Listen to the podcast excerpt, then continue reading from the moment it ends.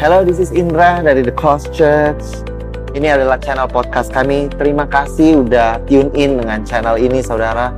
Kami berharap bahwa setiap message kami dapat membukakan lebih siapa Tuhan, saudara, dan Injil kasih karunia dan apa yang Yesus sudah lakukan di kayu salib kiranya membebaskan kehidupan saudara.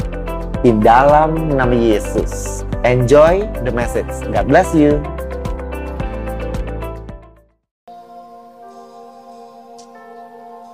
Ada momen-momen di mana you don't feel anything. Kau melihat ada tangan terangkat di gereja ini. Kau melihat ada orang yang melompat-lompat di gereja ini. And you feel nothing. Ada sometimes you merasa bahwa is God really exist? Is God really exist? If he exists, Kenapa aku seperti ini?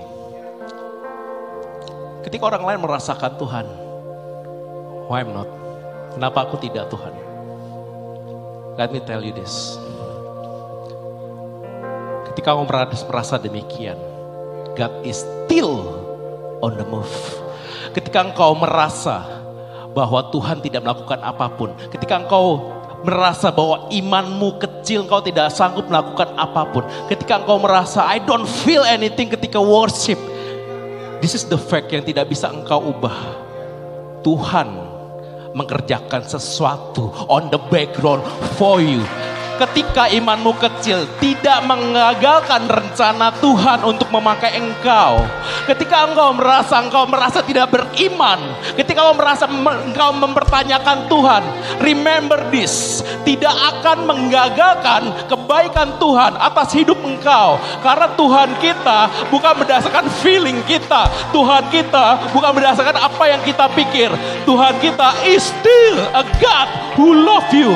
Tidak ter terpengaruh dengan keadaan engkau, tidak terpengaruh dengan finansial engkau, tidak terpengaruh dengan apa pun sekeliling engkau. He is God on the background. He still move. He still move. He still move. Let me pray for you, Joseph. Apa pun yang kau alami, tidak menggagalkan engkau menjadi a great preacher. Hmm, hmm, kegagalanmu, hmm, rasa tidak layakmu, hmm, sesuatu yang kau sembunyikan dari banyak orang, yang kau yang membebanimu, hmm, tidak akan menggagalkan rencana Tuhan dalam hidupmu. Oh, God's love you so much.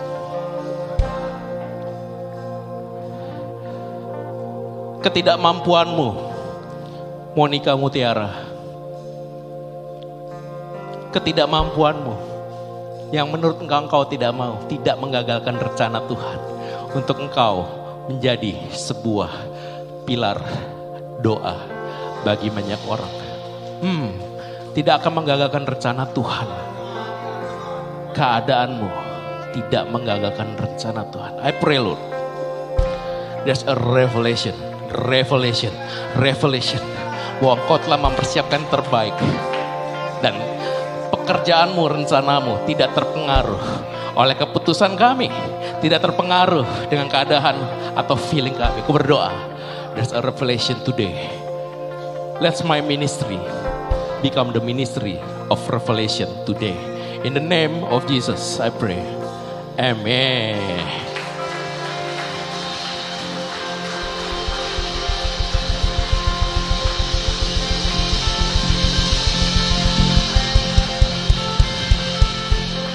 Dan rencana Tuhan tidak menggagalkan rencana Tuhan sendiri untuk Hans.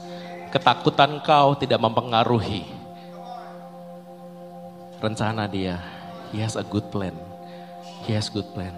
Dan ketakutanmu, hmm, nggak akan bisa menggagalkan rencana dia. Kekuatanmu, ketakutanmu terlalu kecil Tuhan telah persiapkan terbaik untuk kau. Di dalam nama Yesus Tuhan, kami siap untuk berdoa, kami siap untuk mendengarkan firman-Mu. In the name of Jesus, we pray yang percaya katakan, Amen.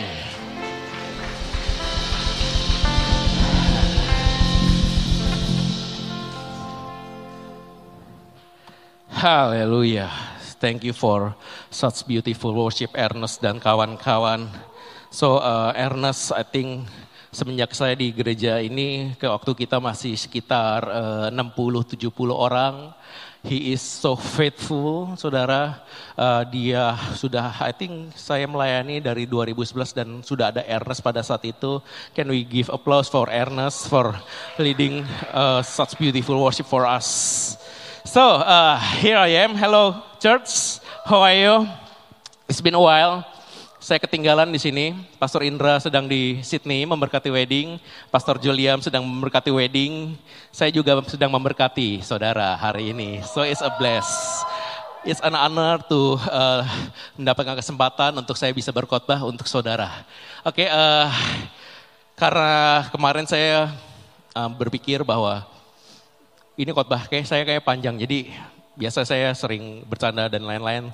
Hari ini mungkin sedikit rada serius, oke karena saya takut waktunya tidak terburu.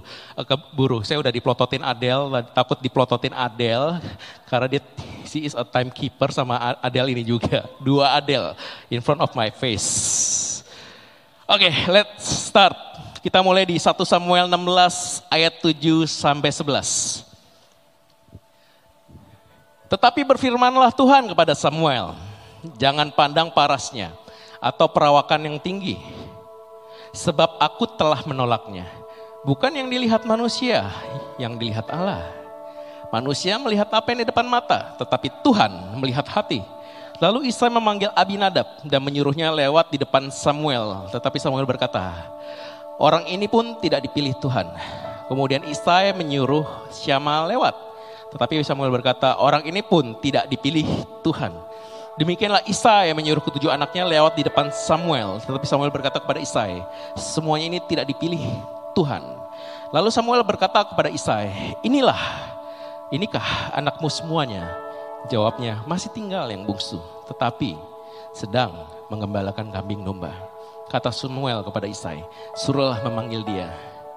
Sebab kita tidak akan duduk makan sebelum ia datang kemari. Saya ingin menceritakan kisah seorang Daud dari perspektif yang berbeda. Kita sering sudah sering mendengar bagaimana Daud dikotbahkan. Tapi izinkan saya hari ini saya membawakannya dengan sedikit berbeda. Daud, hari saya ingin cerita Daud sebelum dia menjadi raja. Perhatikan ayat-ayat yang tadi kita baca saudara. Daud tidak dipandang oleh orang tuanya Daud diberikan porsi yang sangat sedikit oleh Isai. Daud dianggap tidak layak oleh Isai. Dan saudara-saudara ketika Samuel datang dan memilih, saudara bisa bayangkan di antara delapan saudara, delapan bersaudara, hanya satu yang tidak dipanggil di dalam rumah Isai. Isai menyuruh Daud untuk mengembalakan kambing dombanya.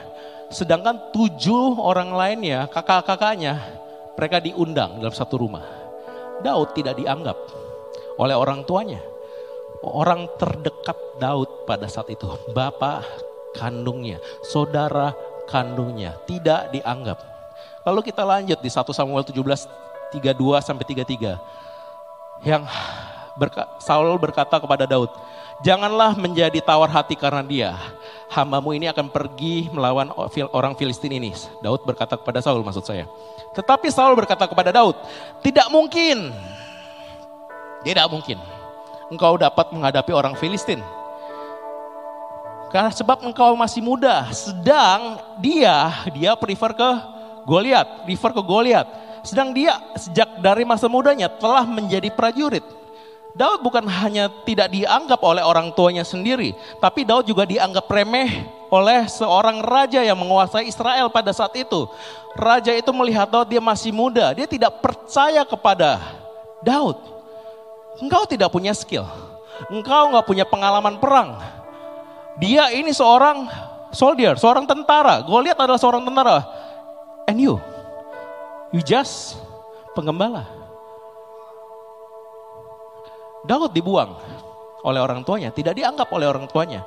Daud tidak dianggap oleh rajanya karena dia tidak mempunyai skill dan pengalaman.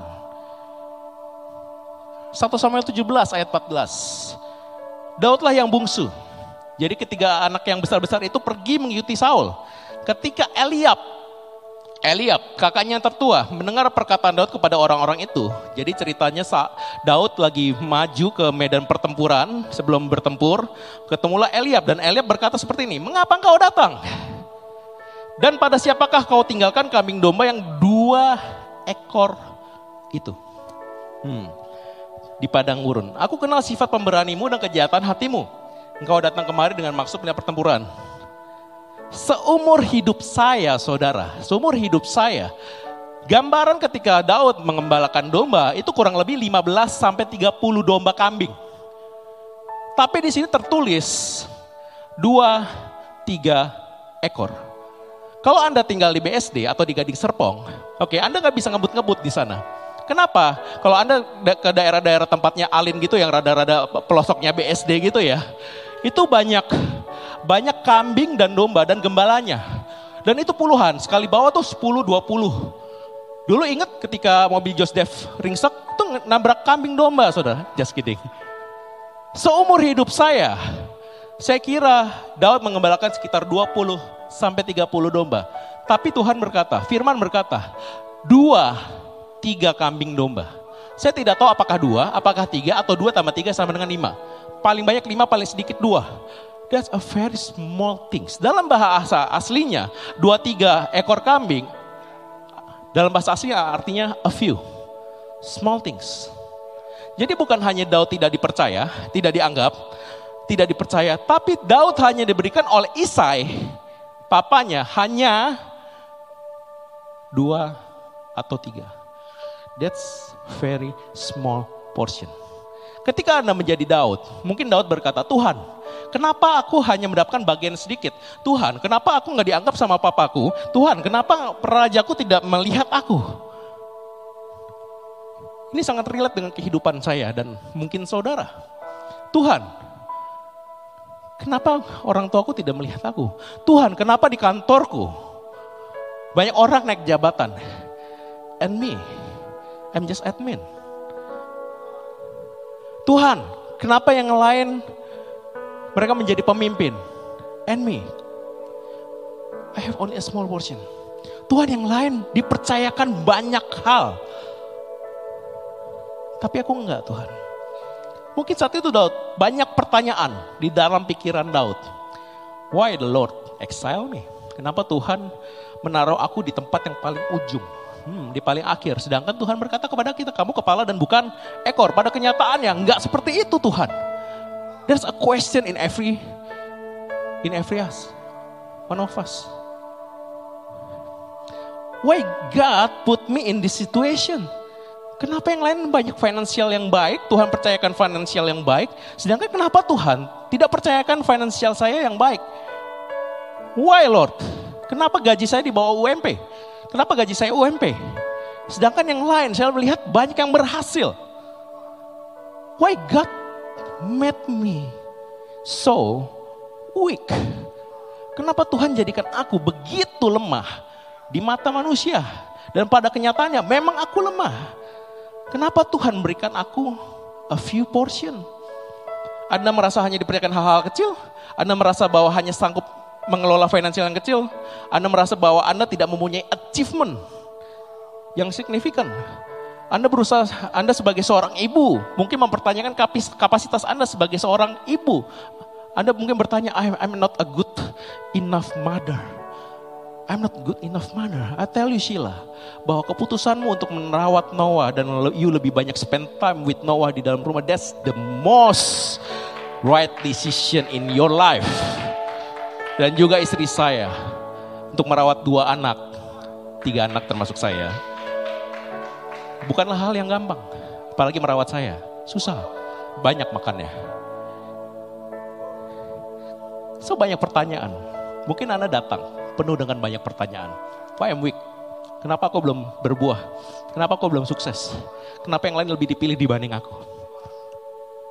1 Samuel 16 ayat 1. Berfirmanlah Tuhan kepada Samuel, berapa lama lagi engkau berduka cita karena Saul? Jadi saat itu Saul, Tuhan sudah menolak Saul. Roh Tuhan pergi daripada Saul dan Tuhan berkata kepada Samuel, berapa lama lagi engkau berduka cita karena Saul? Bukankah ia telah kutolak sebagai raja atas Israel? Isilah, garis bawahi. Isilah tabung tandukmu dengan minyak dan pergilah. Aku mengutus engkau kepada Isai orang Bethlehem itu. Sebab di antara anak-anaknya telah kau pilih seorang raja bagiku. Alur mundur saudara. Ini di 1 Samuel ayat 16. Perhatikan kata tabung tanduk. Tuhan menyuruh Samuel supaya mengurapi Daud dengan tabung tandung dengan tabung tanduk. Apa tabung tanduk itu? Tabung tanduk adalah tanduk dari seekor domba. Ketika uh, ketika tanduk itu dipotong, akan ada space yang cukup di dalam ta tanduk itu untuk diisi dengan minyak.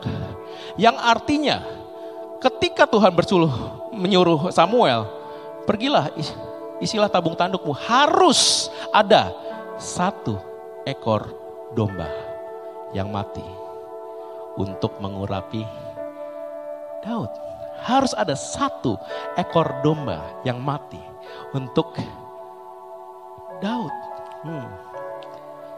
Ketika Samuel mengurapi Saul, hmm, Samuel mengurapi dengan buli-buli. Botol. Oke? Okay? Atau dibuat mungkin daripada zaman itu dengan tanah liat atau dengan kayu. Buli-buli dibuat oleh manusia. Tabung tanduk berasal dari pengorbanan anak domba. Dan Samuel pergi di 1 Samuel 16 ayat 13. Samuel ngabung tanduk itu yang bersih minyak itu dan mengurapi Daud di tengah-tengah saudaranya. Sejak hari itu dan seterusnya perhatikan nih, berkuasalah roh Tuhan atas Daud. Lalu berangkatlah Samuel menjurama.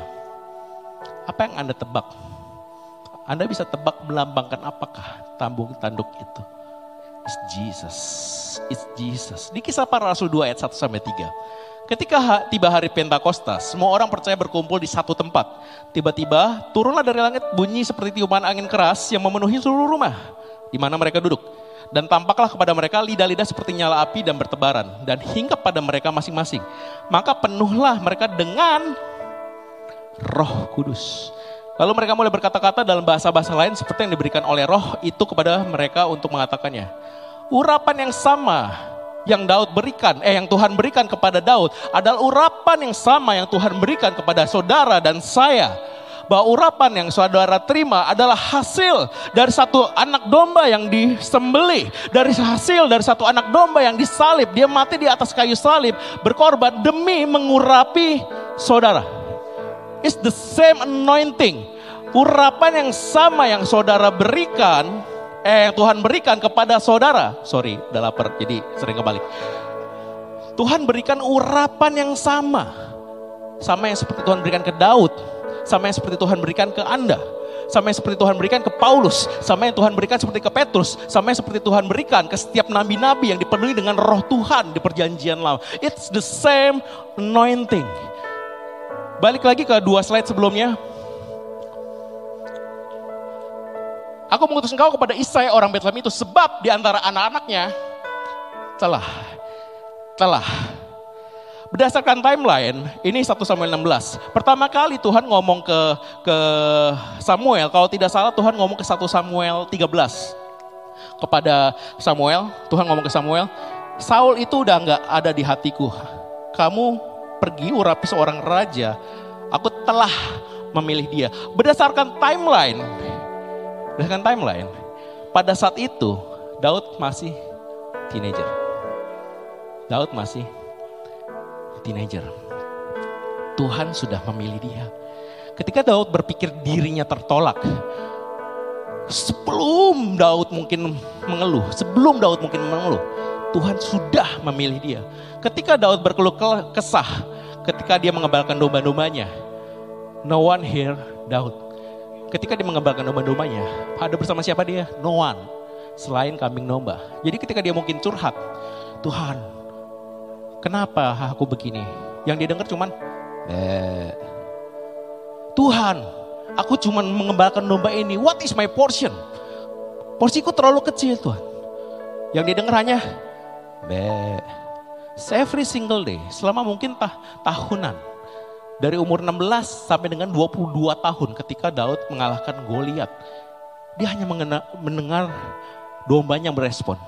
Meh.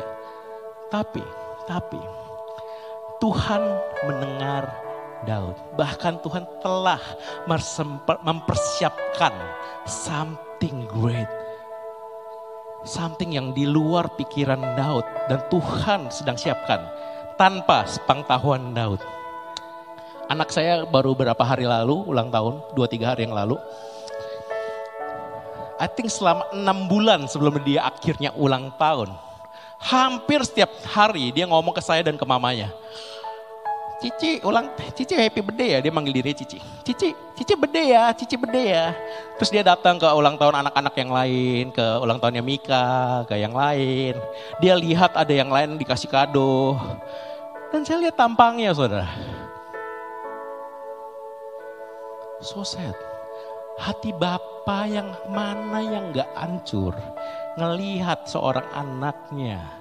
Ngelihat orang lain dapat kado dia enggak. Hmm That the same thing for the Lord to you.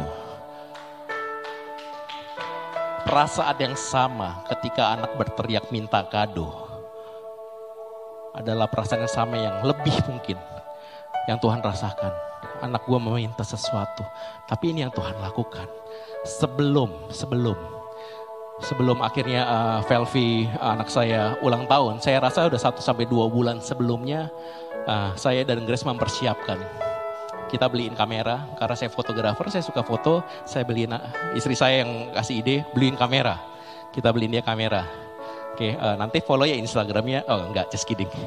Belum ada instagram masih kecil nggak boleh Ayo persiapin itu, kita berdua persiapin, I think satu atau dua bulan sebelumnya.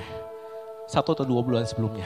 Kita persiapkan berbagai cara, kita pikir berbagai cara, kado apa yang cocok untuk anak saya dia ngomong, saya mau boneka, saya tahu boneka udah banyak. Boneka yang baby baby life, ya oke. Okay. Mama-mama tahu, kalau anaknya minta itu tuh rasanya keluar duit gimana gitu ya. Kita persiapkan segala sesuatu untuk beliin kado. Dan Tuhan juga persiapkan, hmm, Tuhan persiapkan tabung tanduk tadi. Just for doubt. When you feel you are nothing Next, when you feel you're nothing, God prepares all things for you. Ketika engkau berpikir, engkau, I'm nothing Lord. God in the background prepare all things. Dia suruh Samuel ambil pisau, dia bunuh anak domba ini ketika di perjanjian baru, when you feel nothing, God prepare all things di atas kayu salib. Hmm. Di atas kayu salib dia prepare every little thing. Dia prepare all things. Dirinya sendiri, nyawanya sendiri untuk memberikan kado ke anaknya. And that's you. Hmm. That's you. Hati Bapak mana yang gak hancur. Melihat anaknya berteriak dan gak diberikan. Hmm, kalau Anda menjadi seorang bapak saudara, enam bulan saya sedih. But wait Fel, sabar Fel. Enam bulan lagi, lima bulan lagi, tiga bulan lagi, sebulan lagi, dua hari lagi, satu hari. Surprise. Hati bapak mana yang gak senang memberikan kado buat anaknya. That's really special day. Karena ketika bapak memberi, seorang bapak memberi, anak melihat anaknya begitu gembira. Oh, hati mana yang gak hancur melihatnya. That's sama kayak Tuhan. That the same thing that the Lord has prepared for you. Gak ada mata yang pernah melihat, tidak ada kuping yang pernah mendengar, tidak ada hati yang pernah merasakan bahwa Tuhan menyiapkan segala sesuatu bagi orang yang dikasihinya. Oh, I just got that revelation. Tadi nggak ada ayat ini by the way di di ibadah pertama. God love you so much. God love you so much, Michelle Angeli. Tuhan mempersiapkan segala sesuatu untuk you. ketika you berpikir you masih di bawah bayang-bayang orang tua bahwa mungkin ha- kayak karena orang tua you you sukses, you will sukses dan lain-lain. No, no, no. Tuhan prepare all things termasuk orang tua you untuk membuat you sukses, untuk membuat you berhasil. That's why. Kenapa Tuhan sayang sama kamu? Tuhan ketika engkau menerima kado itu, itu yang Tuhan mau. God so love you. Tuhan ingin melihat ketika kau menerima hadiah. Dan ketika kau menerima hadiah, kau buka hadiah itu. Betapa senangnya hati seorang Bapa. Itu Tuhan kepada Anda. 1 Samuel 17 ayat 33 sampai 36. Tetapi Saul berkata kepada Daud, tidak mungkin, ini lanjut yang tadi ya ceritanya. Tidak mungkin kau dapat menghadapi orang Filistin. Sebab engkau masih muda, sebab dia sejak dari masa mudanya telah menjadi prajurit. Tetapi Daud berkata kepada Saul, hambamu ini biasa mengembalkan kambing domba ayahnya. Apabila datang singa atau beruang yang menerkam seekor domba dari kawanannya, maka aku mengejarnya, menghajarnya dan melepaskan domba itu dari mulutnya. Kemudian apabila ia berdiri menyerang aku, maka aku menangkap janggutnya lalu menghajarnya dan membunuhnya. Baik singa maupun beruang telah dihajar oleh hambamu ini. Orang Filistin yang tidak bersunat itu. Ia akan sama seperti salah satu daripada binatang itu.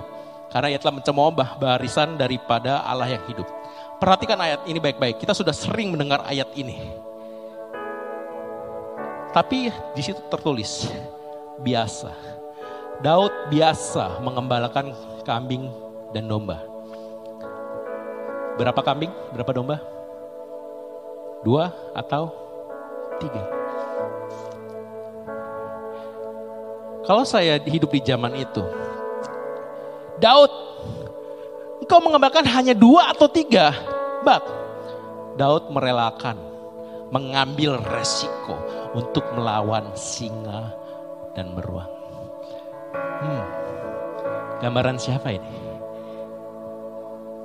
Aku akan pergi mencari satu domba yang terhilang dan meninggalkan 99 orang yang lain just to find you. Dan apa yang tertulis di firman ini, di ayat ini adalah gambaran bahwa Tuhan rela ketika engkau berasa bahwa engkau hanya small things. You are only the small things. Kau merasa engkau hanya engkau adalah kambing domba yang dua tiga ekor ini yang tidak berharga. Tapi tertulis di firman ini bahwa Daud merelakan nyawanya demi dua tiga ekor. Tuhan merelakan nyawanya di atas kayu salib demi dua tiga ekor domba. Ketika engkau berpikir bahwa you are the small things, God run for you. Tuhan prepares all things. Tuhan mem, Tuhan rela disalib untuk engkau. Dan hal ini juga berlaku yang sama dengan Daud. Ada alasan mengapa Tuhan membiarkan Daud hanya mengembalakan domba. Tuhan mengizinkan singa dan beruang datang. Kalau Daud tidak mengembalakan domba, nggak ada singa dan beruang. Kalau Is, kalau saja Isai mempercayakan Daud menjadi sama seperti saudara-saudaranya, tidak ada singa dan beruang. Kalau saja Daud dianggap oleh bapaknya, tidak ada singa dan beruang. Kalau saja uh, Saul percaya sama dia, kalau saja uh, Tuhan menempatkan dia posisi yang lebih tinggi, tidak ada singa dan beruang. Why? Supaya apa? Supaya apa?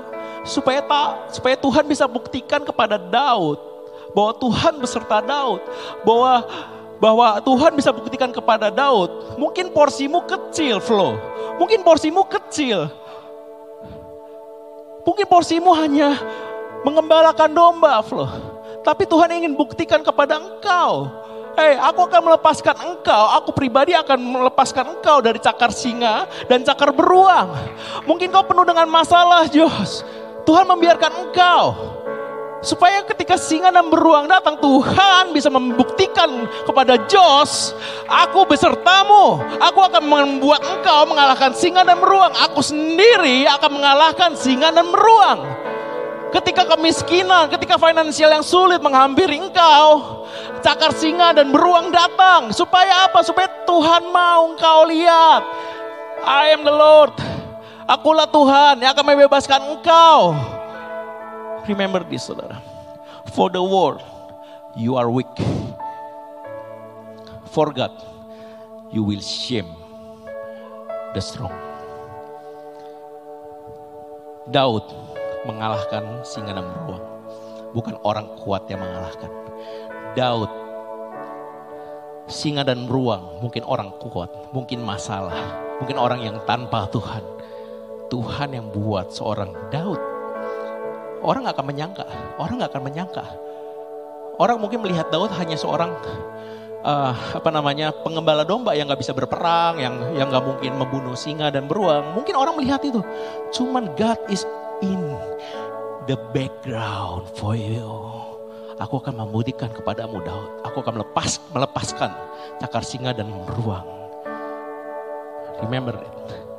There are some things that God protects you from. But there are something that God allow you through. Supaya di tengah kesulitanmu flow. Tuhan akan buktikan, I am the Lord. I am the Lord. Hatiku sudah nggak sabar memberikan engkau something. I'm your God, grace and grace. Di tengah badai, di tengah permasalahan, di tengah engkau mau melahirkan, Tuhan ingin buktikan, I am the Lord. Tuhan ingin buktikan kepada para rasul di tengah badai, di kapal yang goyang penuh dengan badai. Kau tidak ada badai, Tuhan gak bisa buktikan betapa Tuhan besar, betapa Tuhan sanggup mengontrol badai ini. Lihat bagaimana Goliat dikalahkan, saudara. Kita lanjut.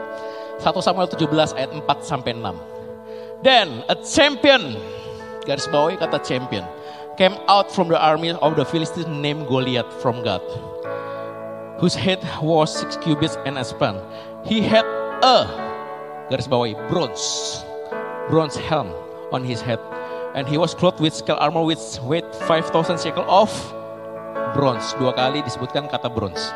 He also had bronze greaves tiga kali dan and a bronze bronze javelin slang between his shoulder empat kali ada champion ada empat kali bronze perhatikan ada empat kali kata bronze bronze di dalam Alkitab disimbolkan sebagai human nature human effort bahwa Goliat harus membuktikan kepada bangsa Filistin dia harus melakukan sesuatu. Dia harus menjadi seorang pejuang. Dia harus membuktikan dirinya worthy.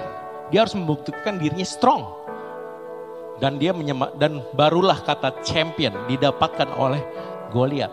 Tapi, tapi firman Tuhan adalah isi hati dari Tuhan dan firman Tuhan mengatakan kata champion bahasa aslinya artinya is man, mankind whosoever.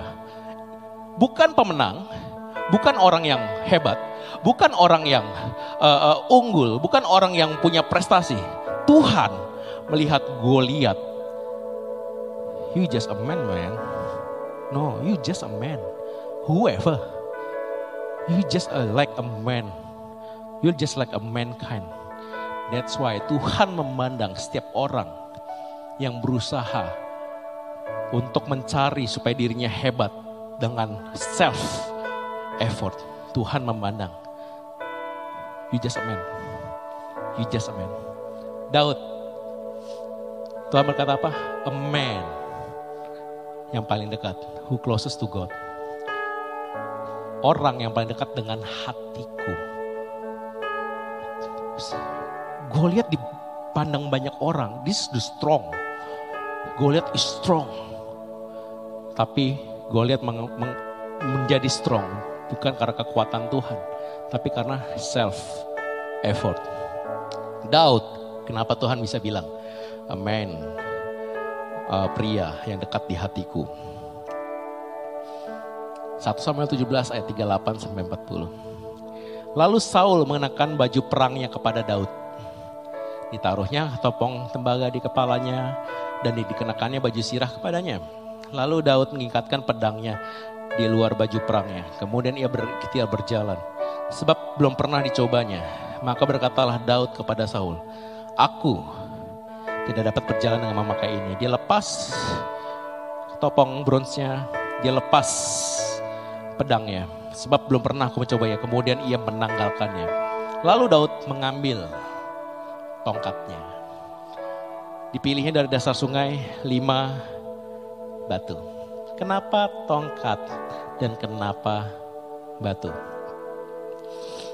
Tongkat adalah sebuah uh, apa yang namanya ya? Saya jelaskan dengan diri saya. Saya selalu memakai kalung ini. Bukan karena ini mahal. Saya ini kalung kalung saya dikasih oleh mama saya. Jos, udah cukup habis belum? Kurang gede kalung salibnya ya. Tapi aku nggak akan melepaskan kalung salib ini. Why? Why? Kalung ini adalah bukti penyertaan Tuhan terhadap diri saya tahun 2000 saya habis dari gereja, saya tunggu uh, angkutan umum di halte. Terus teman saya yang sebelah sini berkata kepada saya, eh dompet gue ketinggalan, ada di nyokap gue di dalam di dalam gereja. Saat itu saya di gereja Katolik. Saya masuk ke dalam, ke parkiran, terus saya melewati pintu besi yang besar, and boom, bom meledak di tempat saya berdiri tadi beda dua menit, tiga menit, teman saya yang sebelah sini meninggal. Ini adalah bukti penyertaan Tuhan dalam hidup saya. Saya nggak pernah melepaskan kalung ini. Kecuali dulu pernah lepas karena kekecilan. Oke, sama seperti tongkat. Tongkat ini menjadi saksi pekerjaan Tuhan dalam diri Daud. Cakar singa dilepaskan cakar beruang dilepaskan. Keluh kesah Daud, tongkat ini melihat. Kalung ini melihat saya berkeluh kesah. Kalung ini melihat saya. Tapi at the same time, ini bukan jadi berhala by the way, bukan jadi berhala. Tapi saya, ketika saya melihat kalung ini, I remember my God. I remember penyertaan Tuhan dalam diri saya. Kenapa batu? Kenapa batu? Oh sorry sebelumnya, that's why That's why di Mazmur 23 Daud berkata, sekalipun aku berjalan dalam lembah kekelaman, no worries, aku gak takut bahaya. Kenapa? Ada tongkat dan ada. Ini jadi saksi. Tongkat ini jadi saksi betapa baiknya Tuhan dalam hidup saya. Tuhan, uh, Daud ketika dia pegang tongkat ini, ah, ada Tuhan, tenang aja. Saya lihat kalung ini, oh, ada Tuhan, tenang aja. Kenapa lima batu? Batu dalam bahasa aslinya juga dipakai di ayat ini. Di 1 Samuel 7 ayat 10 sampai 13. Next. Jadi kejadiannya adalah ketika itu Daud belum diceritakan di sini. Uh, bangsa Filistin menyergap, menye mau menyerang bangsa Israel. Lalu kita baca. Sedang Samuel mempersembahkan korban bakaran itu. Majulah orang Filistin berperang melawan orang Israel. Tetapi pada hari itu Tuhan mengguntur dengan bunyi yang hebat ke atas orang Filistin dan mengacaukan mereka. Keluarlah orang-orang Israel dari Mispa mengejar orang Filistin itu dan memukul mereka kalah sampai hilir Betkar. Kemudian Samuel mengambil sebuah batu dan mendirikan di antara Misma dan di sana. Ia menamai Eben Hazer katanya. Sampai di sini Tuhan menolong kita. Demikianlah orang Filistin itu ditundukkan dan tidak lagi memasuki daerah Israel. Tangan Tuhan melewat melawan orang Filistin seumur hidup Samuel. Saya ingin jelaskan satu persatu saudara. Tuhan mengguntur. Saya rasa saya belum pernah lihat Tuhan mengguntur orang Filistin. Oke, okay? aneh aneh banget biasa api ini guntur. Kenapa? Karena pada saat itu bangsa Israel mereka menyembah Baal. Dan Baal itu dewa God of Thunder. God of Thunder. Yang artinya Tuhan ingin membuktikan bangsa Israel, hey kamu menyembah dewa yang salah. I'm the real God of Thunder. Akulah Tuhan, akulah yang berkuasa akan guntur, akulah yang berkuasa akan badai. Baalmu tidak sanggup. Buktikan buktikan kepadaku bahwa Baal sanggup mengguntur orang Filistin. No, akulah yang orang, akulah Tuhan Allah Israel, akulah yang mengguntur. Akulah I am the real God of thunder, Tuhan berkata. kepada bangsa Israel dan Tuhan selamatkan. Dan Samuel mengambil batu. Dia mengambil batu, dijadikannya seperti kurang lebih monumen kecil, menjadi pengingat kepada bangsa Israel. Tuhan, batu ini ketika bangsa Israel melihat batu ini, Hei Israel, lihat, ini dulu tuh bukti. Batu ini melihat bagaimana Tuhan menyelamatkan kita dari bangsa Filistin. Dan that's why Daud mengambil batu ini. Karena dia tahu Tuhanlah yang menyelamatkan. Tuhanlah yang baru berperang. Ketika Daud mengambil batu ini, dia sekali timpuk dua burung kena. Maksudnya kenapa? Ketika dia ngambil batu ini, dia nyindir dua orang langsung. Dia nyindir dua bangsa. Dia nyindir bangsa Israel dan dua nyindir bangsa Filistin. Dia nyindir bangsa Israel. Bang Israel, lu inget gak batu ini apa? Do you remember this stone? Do you remember this stone bagaimana Tuhan mengalahkan orang Filistin? Do you remember this stone Israel? Do you remember this stone Saul? Do you remember this stone? Kenapa ketika orang Filistin di depan matamu engkau ketakutan? Padahal, padahal Tuhan sudah pernah membuktikan kepada bangsa Israel, Tuhanlah sendiri yang maju mengguntur bangsa Filistin. Kenapa engkau sekarang takut, hai Israel? Kenapa engkau sekarang tidak percaya kepada Tuhan? That's why. Dan dia juga menyindir bangsa Filistin. Filistin. Devil, evil. Do you remember this time? Bagaimana Tuhanku mengalahkan kau. Flow, kau berkata, bisa engkau bisa berkata kepada masalahmu. Hey, masalahku. Do you remember this time? Bagaimana Tuhan menyelesaikan masalahku, memberkati aku? Do you remember this stone? Israel. Bagaimana Tuhan menyelamatkan kita yang dari dulu-dulu. Do you remember? This stone Yohanes, me myself. Do you remember this stone Ajab? Ketika aku ber, ketika saya berkeluh kesah, saya melihat kalung ini. Do you remember me? Aku telah meluput, meluputkanmu. Aku telah membuat engkau menang. That's why. Tuh Daud pilih sebuah batu dan tongkat. Do you remember this stone, guys? Do you remember this stone? Jangan lihat Filistin, lihat kepada batu, lihat kepada Tuhan, lihat kepada apa yang Tuhan sudah pernah kerjakan dalam hidup kita. Daud tahu bahwa pertolongan bukan dari pedang, bukan dari lembing, bukan dari baju sirah. Sama seperti ketika Tuhan menolong, menolong bangsa Israel dari Filistin. Sama seperti ketika Daud melawan singa dan beruang. Bukan dia mengalahkan singa, bukan Daud yang mengalahkan beruang, tapi Daud sudah melihat bagaimana Tuhan menjadi kubu pertahanan Daud di tengah cengkraman singa dan beruang. Daud sudah melihat dan mata kepala sendiri garis bawahi kata biasa. It means it's repeated dalam beberapa tahun. Sampai akhirnya tahu, Daud tahu, God is my refugee. Tuhanlah kota benteng dan kubu pertahananku. Di tengah ejekan dan penolakan orang-orang, Daud sudah melihat bahwa Tuhan perisai dan keselamatan. Oleh sebab itu, oleh sebab itu di ayat selanjutnya, 1 Samuel 17 ayat 47. Supaya segenap jemaah ini tahu bahwa Tuhan menyelamatkan bukan dengan pedang, bukan dengan lembing, sebab di tangan Tuhanlah pertempuran. The battle is the Lord. Ketika engkau ada masalah, hal-hal yang engkau tidak sanggup untuk kau hadapi, remember this. The battle is the Lord. You nggak bisa lakukan apa pun. Kita nggak bisa lakukan apa-apapun. Yang kita bisa lakukan adalah, do you remember this stone?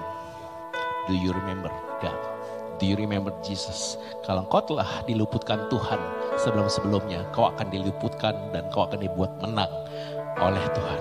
That's why Daud menjadi orang yang dekat dengan hati Tuhan. That's why Tuhan memilih Daud dan Anda.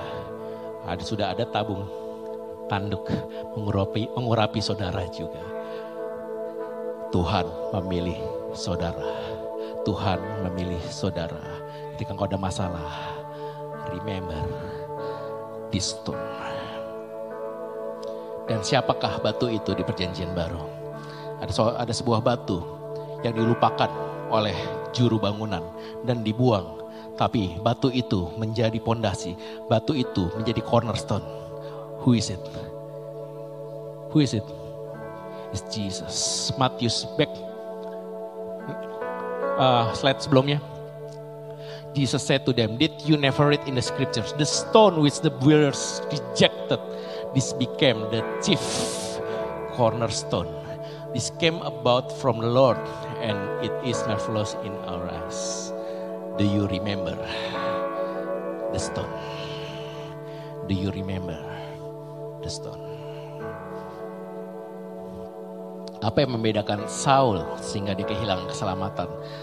Tapi, tapi remember this bahwa Tuhan berjanji tidak akan pernah lagi Tuhan lakukan mengambil uh, urapan itu, kuasa itu dari daripada siapa pun. Saul itu orang yang terakhir. Oke, okay? apalagi saudara yang sudah menerima Roh Kudus. Tidak mungkin Tuhan ambil keselamatan kuasa itu dari saudara. Lalu apa yang membedakan Saul dan Daud? Wow, udah mau bunyi. Jadi plototin. 1 Samuel 13 ayat 5 sampai 9. Adapun orang Filistin telah berkumpul. Ini Saul. Ini kejadian Saul.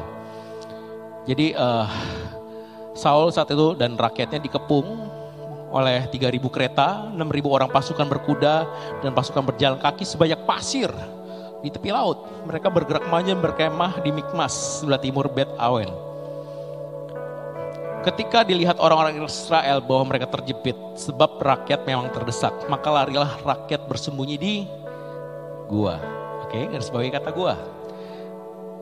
Keluk batu, bukit batu, liang batu, dan perigi. Malah ada orang Ibrani yang menyeberang angan sungai Yordan menuju tanah Gad dan dilihat sedang Saul masih di Gilgal dan seluruh rakyat mengikutinya dengan trembling, gemetar in a negative way.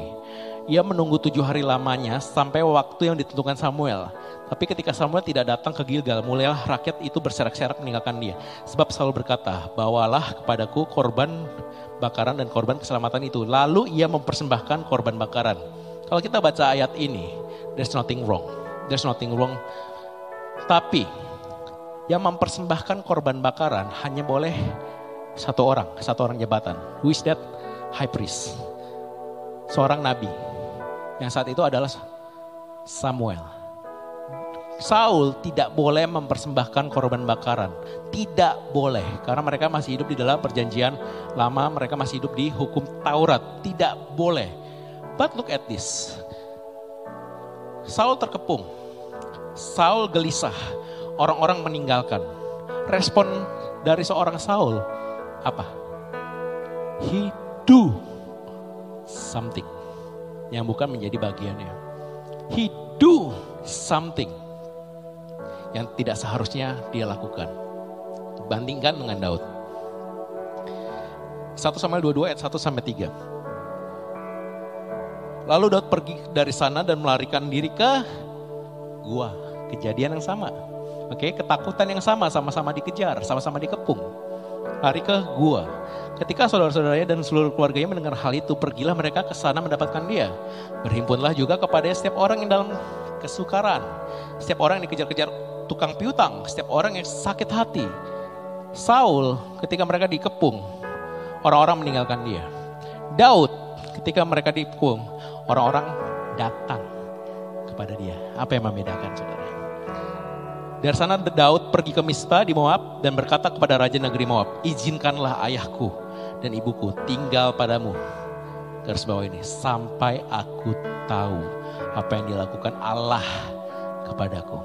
Di tengah kegelisahan, Daud gak do something. Di tengah kegelisahan, Daud mencari wajah Tuhan. Di tengah kegelisahan, Daud berdoa, Tuhan aku harus apa? Tapi di tengah kegelisahan, Saul, dia gelisah yang respon dia lakukan adalah dia do something. Saul anxiety. Next. Saul's anxiety met him doing something. David anxiety met him surrender to God. Karena dia tahu betapa baiknya Tuhan That's why mengapa kita terus mengabari the gospel of grace supaya saudara dan saya tahu betapa baiknya Tuhan. Supaya saudara dan saya mempunyai mental yang sama seperti Daud. Mental Daud, apa yang aku harus lakukan? Apa yang aku harus lakukan? Apa yang aku harus lakukan? Dan Saul mengerjakan apa yang dia tidak bisa. Next. Don't be afraid of something that only God can control. Saul pada saat itu, dia nggak bisa apa pun. Anda dan saya, ada satu titik, ada satu momen, saudara nggak bisa ngapa-ngapain. Kita nggak bisa ngapa-ngapain. Jangan stres dengan hal-hal yang hanya Tuhan bisa lakukan untuk Anda. Ketika you do something, malah berantakan. Daud, dia tahu betapa baiknya Tuhan. Kalau dulu Tuhan udah pernah melewatkan aku, menyelamatkan aku. I remember this stone. Aku akan tunggu Tuhan dan lihat Tuhan mau jawab apa. Dan dia menyanyikan Masur. Saya boleh tim uh, panggil tim worship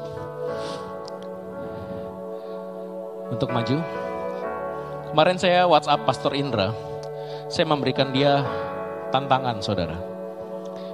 Uh, hey, Pastor, you got competitor pastor itu sangat, pastor Indra sangat narsis akan suaranya. Hari ini saya declare saya akan jadi saingan dia untuk nyanyi saudara. I will declare to him, saya bilang ke dia, khotbah you pas jauh di atas I. Tapi kalau soal nyanyi, hmm, tunggu dulu pastor. Just kidding.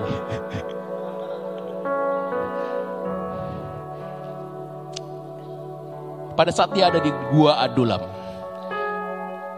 di tengah ketakutan, saya ingin saudara melihat apa yang Mas uh, Daud nyanyikan di Mazmur ini. Kata-katanya sama persis di Mazmur 57. Pas waktu saat dia mau uh, bertemu dengan Abimelek. Di tengah-tengah ketakutan, Daud menulis Mazmur ini. Lagu ini mungkin kurang familiar untuk saudara. Hmm. Tadi tim worship ngeluh, ini lagu apaan? Ini lagu dari tahun 88. 88. Ada beberapa dari saudara yang mungkin belum lahir lagu ini diciptakan. Tapi selama dua minggu ini saya non-stop saudara. Saya non-stop dengerin lagu ini dan it's really broke my heart. It's really broke my heart. Dan lagu ini lagu ini mengingatkan saya, hey, remember the stone. Saya boleh undang saudara bangkit berdiri. Let's sing this song. Ketika Daud di tengah-tengah banyak orang yang sakit hati, kepahitan, sakit, dan lain-lain. Ketika dia worship, dari 400 orang, orang-orang ini disembuhkan. Orang-orang ini menjadi kuat kembali. Orang ini dikuatkan.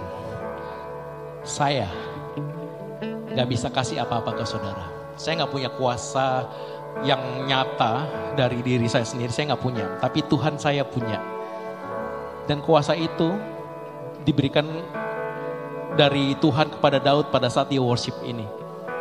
Don't get me wrong, kuasa itu sudah ada. Kuasa itu sudah ada di dalam diri saudara. Tapi ketika Daud worship, banyak orang melihat, Your God, Daud, is so real. Aku sembuh aku dikuatkan. Saya nggak punya apa-apa saudara. Saya hanya bisa nyanyi, just kidding. Saya nggak bisa nyanyi. saya hanya bisa, saya ingin, saya hanya ingin mengajak saudara just to worship dari dalam hati, dalam hati saudara yang paling dalam, worship Him, worship Him.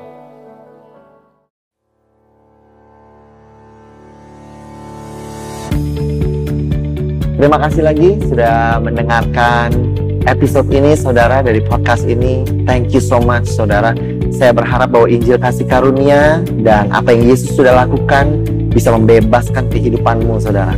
Kalau saudara diberkati, saya mengundang saudara untuk share saudara um, sermon ini baik secara pribadi kepada your friends and your family saudara atau you can screenshot dan kau bisa bagikan kepada sosial media saudara dan jadilah terang saudara. I hope um, message ini melalui saudara bisa memberkati lebih banyak orang lagi. Dan kalau saudara diberkati, saya mengundang saudara untuk subscribe kepada channel podcast ini. Again, I want to thank you. Berterima kasih kalau saudara mendengarkan dan mengizinkan dirimu diberkati dari apa yang kami lakukan. Terima kasih, Tuhan berkati. God bless you and bless you and bless you again. In Jesus' name. Amen.